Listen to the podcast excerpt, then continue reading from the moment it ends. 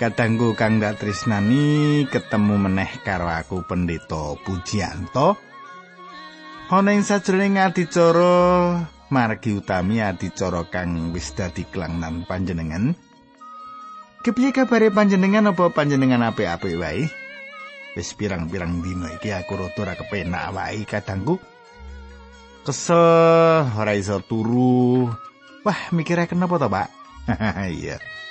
Wong wis tuwa jeneng iki yo akeh sing dipikirake. Ning aku muji Gusti awit aku ijek diparingi kekuatan kanggo makarya. Makarya ana ing ladangi Gusti Allah. Nah ketengku aku kaya padatan bakal bebarengan karo panjenengan ana ing adicara margi utami iki lan matur nuwun dongakno aku supaya aku sehat sugeng midhangetake adicara iki.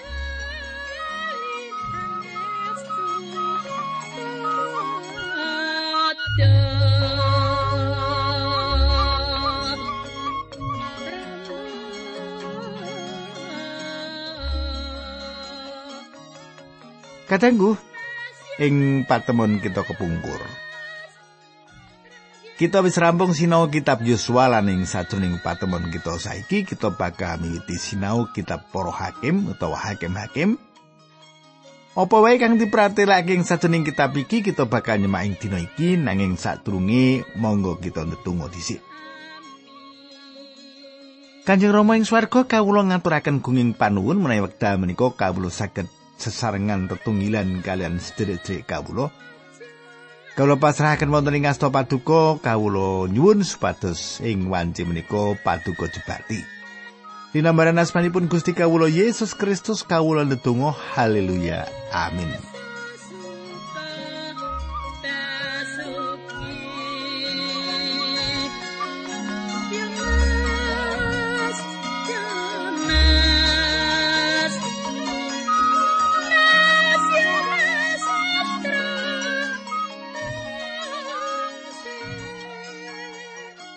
Kadangku kitab para hakim kitab iki disebut para hakim Awit ana wong lanang lan wadon kang nglayani dadi hakim saka jaman wiwit matine Yosua nganti tekan jamane Samuel. Bisa uga kitab iki ditulis dening Samuel nanging kang nulis sak benere ora dikenal. Kadangku, ing kitab iki kita bakal nyemak yen kabeh hakim winates sing babagan kabisani. Nanging sawetara kekurangan iku ora dadi alangan, nanging dadi sawijining sarana kang apik ing tuntunane Gusti Allah kang Maha Kuwasa. Mundure lan sih rahmat kang gumunake saka Gusti Allah ing sadrone mulihake, dadi irah-irahan saka kitab para hakim.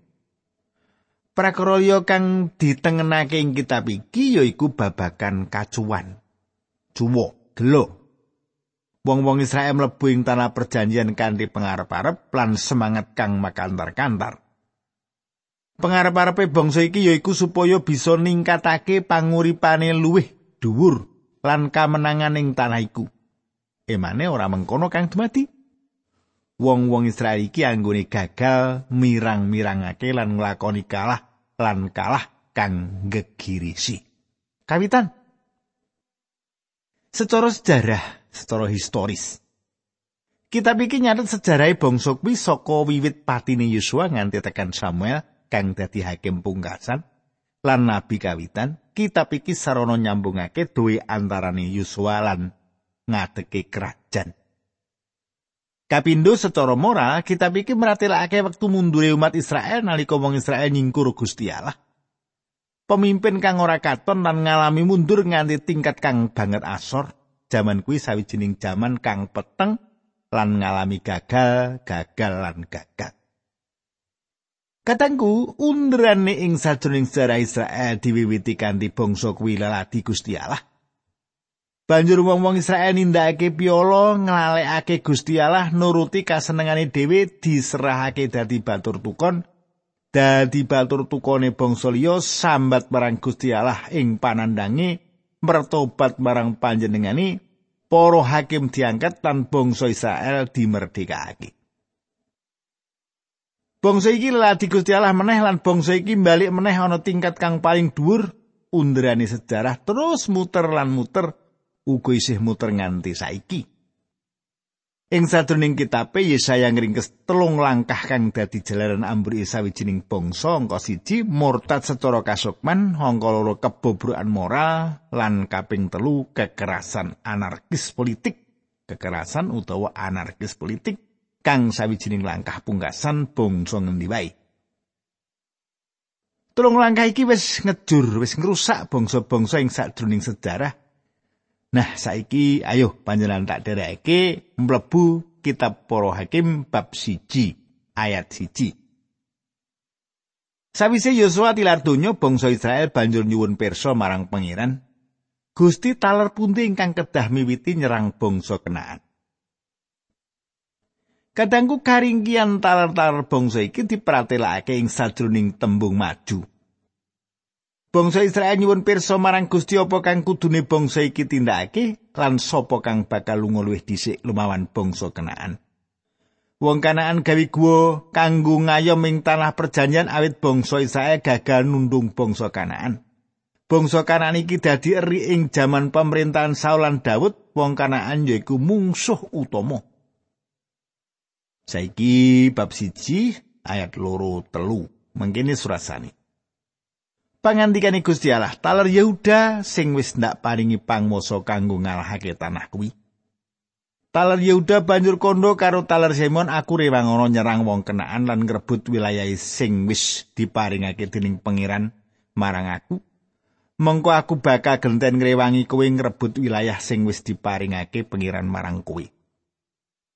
Kadangku ing wiwitane iki katoni minangka sawijining pratandha kang apik antarané Yehuda lan Simeon lan pancen kaya mengkono nanging iku uga pratandha saka karingkian. Talar Yehuda rumangsa ora perlu njaluk pitulungan terlior supaya nundung wong Kanaan saka daerahe nanging akibate wong Kanaan ora tau sabutuhe katundung saka tanah Kanaan. Ayat 4 lan talar Yehuda nuli padha maju perang bebarengan mergo saka berkahi pangeran taler-taler mau padha nelokake wong kenaan lan wong feris prajurite mungsuh sing mati ing besek cacahe 10.000 kadangku panjenengan bisa uga duwe pikiran yen sawise langkah kawitan kemenangan iki taler Yehuda bakal rumangsa yakin yen Gusti Allah bakal masrahake warisan tanah kuwi marang dheweke.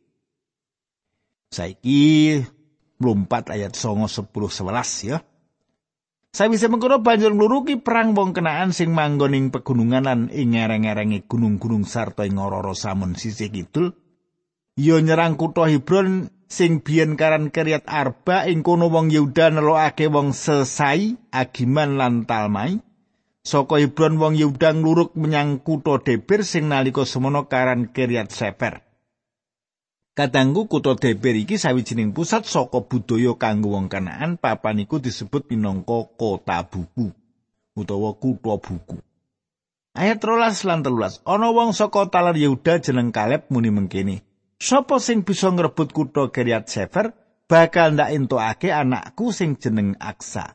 Otniel anake Kenas adine Kaleb kelakon ngrebut kutha mau mulane Otniel banjur dipek mantu dijodohake karo Aksa anake.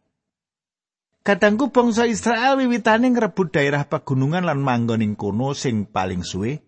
Ereng-ereng gunung gumelar antarane daerah pegunungan lan pesisir dadi papan peperangan antarane Israel lan wong Kenaan. Nalika wong-wong Israel manggon ing tanah Kenaan, wong-wong mau dadi sasaran pengaruh lan coba agama kaum Kanaan. Anggone nglakoni agamane bener-bener bobrok lan ora suwe wong Israel tiba marang pangibadah brahala lan murtad. Sapa wae kang bisa ngrebut kutha iku bakal diweni hadiah. Hadiah kang dikarepake yaiku anake wadon Kaleb kang jenenge Aksa. Saka sari silah Ornel bisa uga ni Kaleb utawa adini lanang nanging nggone ngrabeni Aksa dadi jalan dadi mantune lanang. Otniel dipilih dadi hakim awit gegayutane karo Kaleb. Hubungan keluarga nepotisme wis ditindakake wit jaman dhisik. Akeh wong nglungguhi kalungguhan kang dhuwur ora awit kapinterane nanging awit duwe kegayutan mligi utawa ana ing sajroning kahanan kang mligi. Kadangku sangang suku saka rolas suku kang disebutake ing pasal iki disebutake kang ana gegayutane kegagalane kita wis nyemak taler Yehuda lan Simeon. Saiki Benyamin lan Manase yaiku taler-taler sebanjure kang kudu dadi tetimbangan gagale iku terus dumadi ing saben suku Ayat selikur taler Benyamin ora bisa nglungakake wong Yebus saka kutha Yerusalem. Mulane wong Yebus tetep padha manggon bebarengan karo taler Benyamin ing daerah mau. Katangku yaiku nalika catetan iki ditulis. Ayat pitulikur wolulikur, songolikur, telung puluh mengkini sorasani. Taler manasa orang lungakake penduduk-penduduk to Betsean, Tanak, Dor, Yibliam, Megido lan padesan-padesan ing sakiwa tengeni, mulane wong-wong mau isih tetep padha manggon ing kono. Senadan wong Israel saya kuwasa ewa semono orang lungakake wong kenaan mau saka kono, nanging mung dipeksa dadi batur tukoni.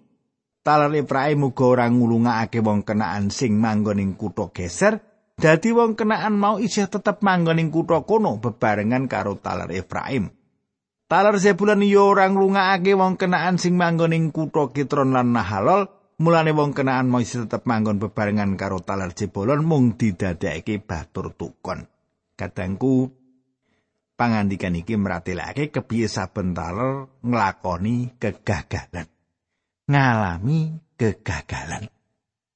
Ayat telung puluh siji lan telung puluh telu. Ayat telung puluh siji tekan telung puluh telu. Taler asar orang lungaake wong kenaan sing padha manggon ing kutha-kutha Ako Sidon Ahlab Asib Helba Afeka lan Rehob. Mulane wong kenaan mau isi manggon bebarengan karo taler asar ing kutha-kutha mau. Taler Naptali yo ora nglungakake wong-wong kenaan sing padha manggon ing Bet Semes lan Bet Anat Mulane wong-wong kenaan mau padha tetep manggon ing kono bebarengan karo taler Naptali mung wae didadekke batur tukoni. Kadangku lan wong-wong kanaan ngesuk taler dan menyang daerah pegunungan. Ayat 34 bangsa Amori isih tetep manggon ing Ayalon, Saalbim lan Gunung Hores mergo taler dan disuk dening wong-wong kenaan mau menyang daerah pegunungan lan ora bisa medun ing tanah ngari.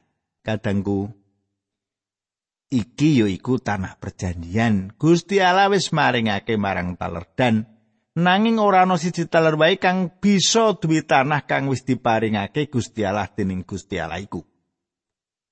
Saiki kita ngancik kita para hakim loro. Ayat siji loro telu. Mengkini surasane mulai kate pangeran tindak saka Gilgal menyang Bokim. Sarto ngendika marang bangsa Israel mengkene aku wis ngentas kowe saka tanah Mesir lan ngirit lakumu menyang tanah sing wis ndak janjake marang para luhurmu.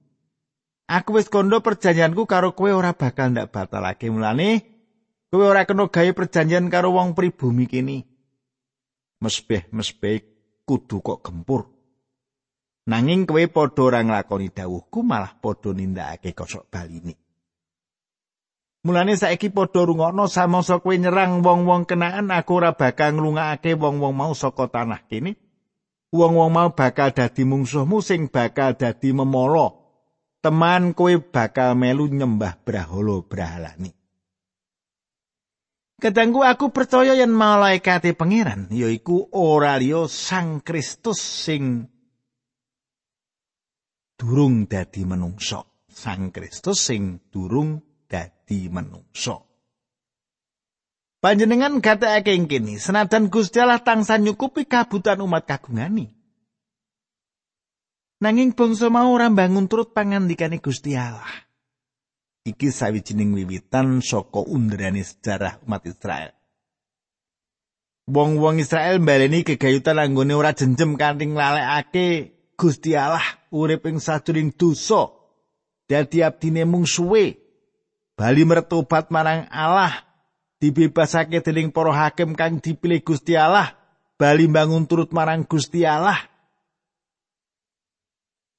ayat 16 sawise mengkono Gusti Allah banjur maringi pemimpin didawi nyelametake umat Israel saka tangane gerombolan-gerombolan rampok mau Katangku saben bangsa iki ngalami karusakan. Gusti Allah ngedekake hakim kanggo merdekake bangsa iki. Sebanjure kita nyemak kitab para hakim telu.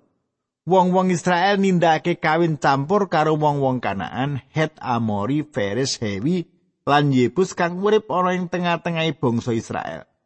Israel nindakake piolo, nglalekake Gusti Allah lan manembah marang Baal. Kanthi mengkono Gusti Allah masrahake wong-wong Israel dadi batur tukon. Otniel hakim kawitan ditimbali supaya nguwalake bangsa Israel saka anggone dadi batur tukone Eglon, raja Moab.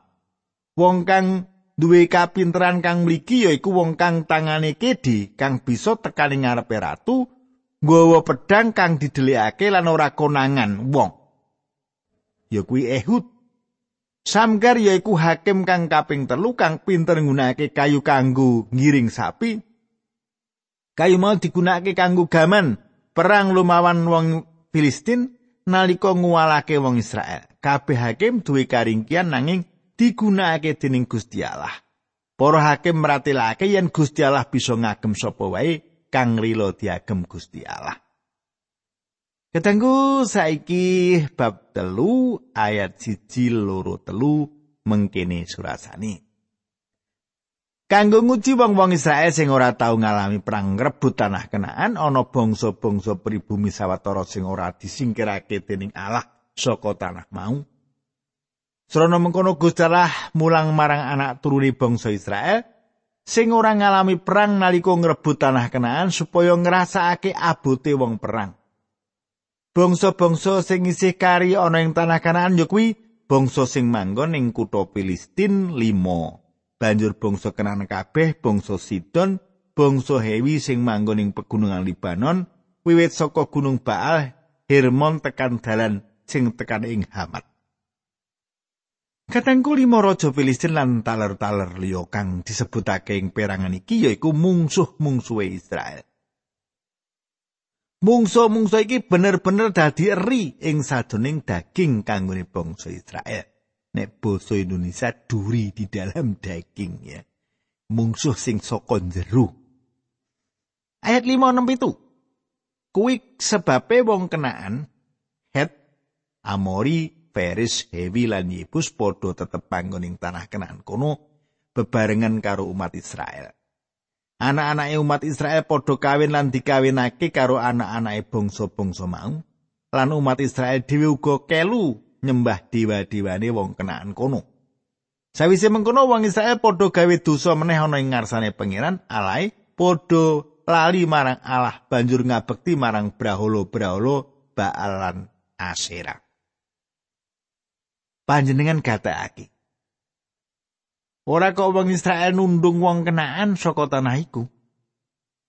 Nanging bangsa Israel malah ngedum daerah karo bangsa kenaan iki. Kowe ning kono aku tak ning kene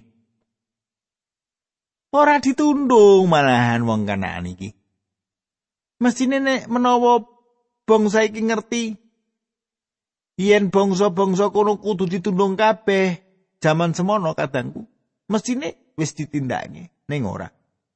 Malah didum kowe kono aku kene.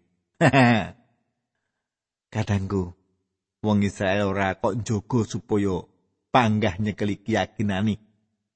Lan tetep manembahalah malah bangsa Israel iki kawin campur karo wong kenaan lan nampani keyakinan agamane. Ing kene wong-wong Israel tiba ing tahap murtad. Ayat 8 Gusti Allah banjur duka marang umat Israel mulane ditegakake ditelokake sarta dijajah dening raja Kusan Risataim saka Mesopotamia suwene wolung taun. Kadangku pangibadah marang brahala kang ditindakake dening wong Israel.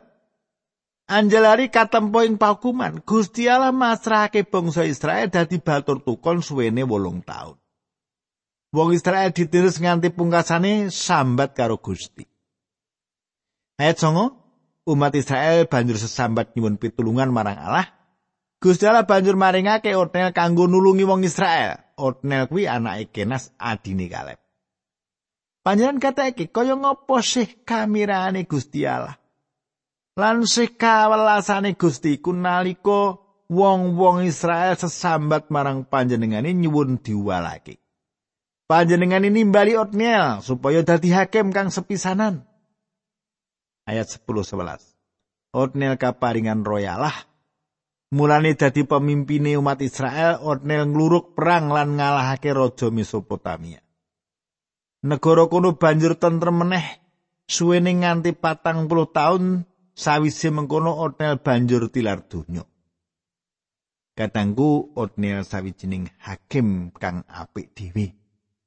Nanging emane dheweke dadi pemimpin Israel ora awet kabisane pinunjul, nanging awet dheweke kuwi keponakane Kaleb lan wis rabi karo anake wadon Kaleb. Nanging Gusti Allah nggunakake dheweke. Bisa uga yaiku kang dadi jalaran Gusti Allah bisa nggunakake panjenengan lan aku.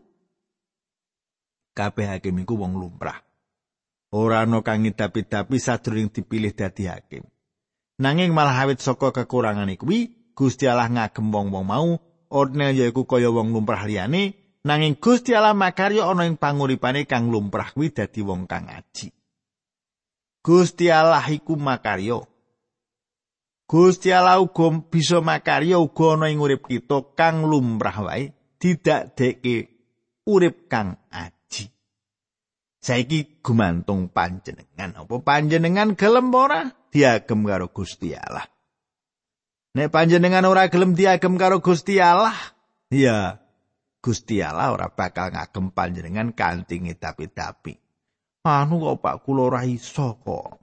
Kadangku nek pancen panjenengan kersa diagem karo Gusti Allah, digunakake srana Gusti Allah, yo ora ana barang mokal Gusti bakal ngagem panjenengan. Iya toh? Sing penting panjenengan kersa apa ora? ana kancaku dipilih dadi masjid. Wah, Mas Puji. Ojo aku ah dipilih ya. Ya kenapa? Wah, ora. Ojo, wis wong liya akeh kok aku bareng. ya ta. Are ora gelem piye meneh Gusti Allah areng ngagem. Ora iso ngrasake kaya ngopo diagem karo Gusti Allah. Lho nek nuruti kabeh wong ora siap nalika ditimbali Gusti Allah. Bener ora iki? Ora siap. Wah, lho kok aku to? Aja to, mesti ngono, ya.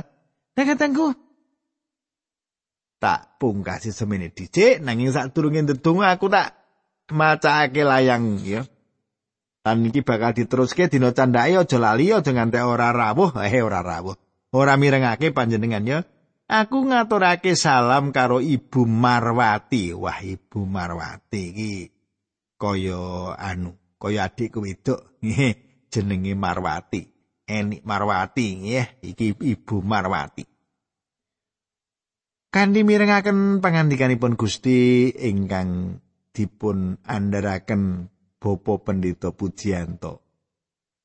Dadosaken kula tambah mantep lan isi pangandikanipun Gusti menika gampil sanget dipun mangertos.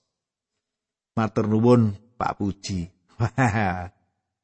Ah, nggih Bu Marwati matur nuwun nggih. Panji kedah kados makaten nggih. Gusti berkahi panjenengan lan monggo kita tumungkul kita ndedonga. Duh Kanjeng Rama ingkang adhedhampar wonten kraton ing kasuwargan kawula ngaturaken kuing panuwun menawi wekdal menika kawula saged tetunggilan kawula saged sesarengan lan kawula ndongaaken Ibu Marwati ndongaaken sedaya ibu ingkang pinterkan ait pangandikan menika supados Gusti piyambak ingkang jangkung ing karahayen. Matur nuwun sanget.